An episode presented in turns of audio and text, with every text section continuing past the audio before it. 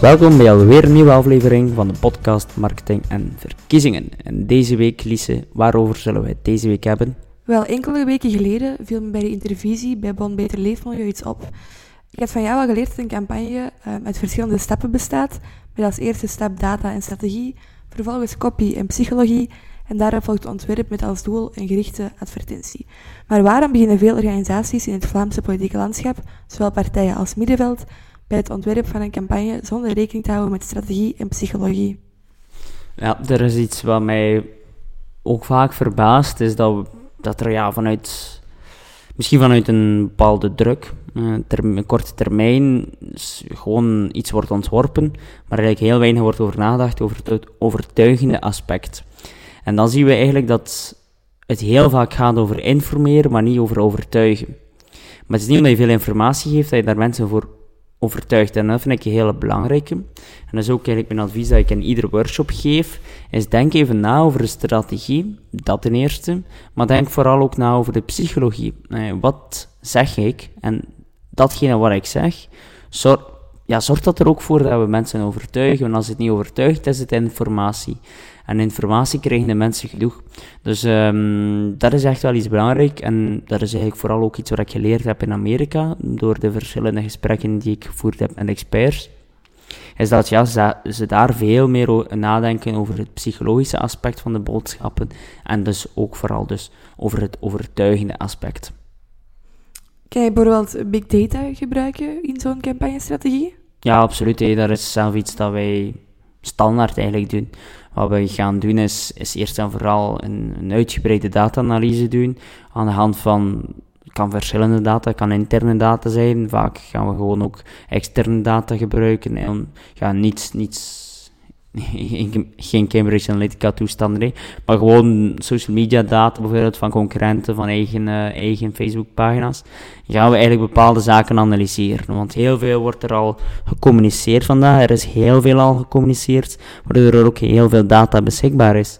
En dat, en dat gaan we eigenlijk analyseren. En op basis van deze data-analyse gaan wij dus uh, gerichte strategische adviezen geven. Als we goed weten wat dat werkt voor jouw doelgroep, dan kunnen we ook veel beter gerichte advertenties maken, veel betere ontwerpen maken en kunnen we ook mm, correcter en overtuigender nadenken over de kopie en de psychologie. Welke online tools kan je allemaal voor gebruiken en welke zijn ook het meest gebruiksvriendelijk? Want ik kan me inbeelden dat sommige programma's voor gewoon mensen te moeilijk zijn. Ja, dat is een moeilijke, omdat er zijn echt wel duizenden en één tools om te gebruiken. Wij gebruiken verschillende tools. We hebben onze eigen methodiek van, uh, van tools die we gebruiken om dan ook eigenlijk te analyseren. En uh, je kan verschillende webscraping tools gebruiken. Je hebt uh, Social Report. je hebt Hootsuite, die vind ik nu niet super om analyse te, te doen. Maar soms voor interne data kan dat heel simpel zijn. Hè. Je moet zelfs geen digitale tools gebruiken. Je kan ook gewoon... Um, je, je MailChimp-account even analyseren. Kijk even naar je MailChimp-account. Welke kliks, of welke berichten, welke onderwerpen genereren het meeste kliks. Um, je, eigen Facebook-data is ook zo belangrijk. Je, ja, verschillende partijen weten dat niet, lokaal, vooral lokaal dan. Maar je kan dus een export nemen van al je Facebook-data van de afgelopen 180 dagen. Dat is super relevant om daar even naar te kijken. Zet daar een filtertje op in Excel. Rangschik even op meeste likes of meeste interacties of meeste views. En dan heb je eigenlijk al heel interessante data die je kan gebruiken om verder te werken. Maar als je verschillende pagina's beheert, dan kan je dat wel voor verschillende inzichten doen. En dat is zeer interessant dan. Um, dus dat is iets, ja, wij, wij gebruiken verschillende tools, maar ja, in combinatie dus van elkaar. Dus het is niet dat we één tool gebruiken, maar we gebruiken verschillende tools. En, uh, en ja, dat is het belangrijkste. Zorg gewoon dat je een tool vindt die, die gebruiksvriendelijk is, waar je graag mee werkt. Maar wij gebruiken eigenlijk gewoon webscraping tools die die data omzetten in een Excel-file. En op basis van die Excel-file gaan we eigenlijk kwantitatief en kwalitatief analyseren. Kwantitatief is op basis van hoe succesvol is de post. Dus bijvoorbeeld kijkend naar hoeveel interacties, hoeveel likes, hoeveel shares, comments en dergelijke. Maar dan gaan wij kwalitatief analyseren en dat is een hele belangrijke. Dan gaan we kijken, um, ja goed, we weten nu dat die type of die 50 berichten het best werken. Maar wat is de psychologie erachter? Wat kunnen we hier strategisch en psychologisch uit leren? Dus dat is enerzijds, dat is belangrijk. Enerzijds heb je de tools, maar anderzijds is nog zoveel belangrijker um, ja, de analyse, het analysevermogen. Dus nu hebben we een beetje de eerste stap uh, mm -hmm. behandeld, de data en de strategie. Maar um, kunnen we bijvoorbeeld ook nudging gebruiken als psychologische strategie in een campagne? Ja, en ja, eigenlijk wel, absoluut. Maar uh, nudging wordt vooral gebruikt in de overheidssector. Ja, volgens mij ten onrechte, want op zich uh, in, een, in de ja, privéwereld dan, in de, voor de bedrijven, hebben we het eerder over neuromarketing. Maar neuromarketing en nudging is in mijn ogen praktisch hetzelfde. Er, ja, akkoord, mensen die erin thuis zijn, die gaan nu zeggen van Reinoud, Reinoud, dat is gewaar. Er zijn nuanceverschillen, akkoord, zeker en vast. En de manier van werken is ook wel een beetje anders, maar op zich gebruik je bij beide wel sociaal psychologisch onderzoek om eigenlijk het gedrag van de mensen te sturen. En vooral dus de actie ratio te verhogen. Dus zeker en vast dat nudging technieken moet gebruikt worden. Want zoals in het begin gezegd, je mag niet alleen informeren, je moet ook overtuigen. En daarvoor zijn de nudging technieken zeker, zeker, zeker interessant. Kan je nog enkele andere tips en tricks geven voor een geslaagde campagne, ongeacht de uitkomst? Wel, dus uh, stap 1 is die data, stap 2 is, uh, kopie en psychologie, stap 3 is ontwerp en stap 4 zijn de advertenties. Dus ik heb het al even heel kort gehad over de data. En twee is uh, de psychologie, dus die nudging technieken. Voor de mensen die hier meer informatie over willen. Ja, zo zeg ik, neem kijk, zeker eens een kijk op onze website www.exposure.be. Daar vind je heel veel tips rond nudging. En ook binnenkort een e-book hierover.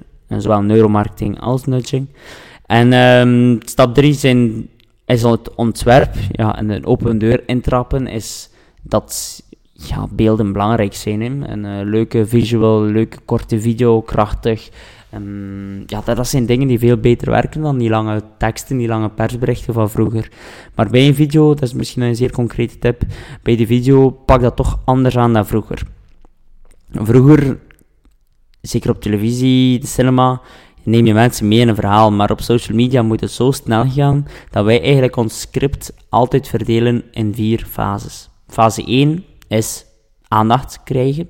Fase 2 is um, ja, een stukje over het branding. Dat kan voor het logo, persoon in beeld zijn, inbrengen zijn.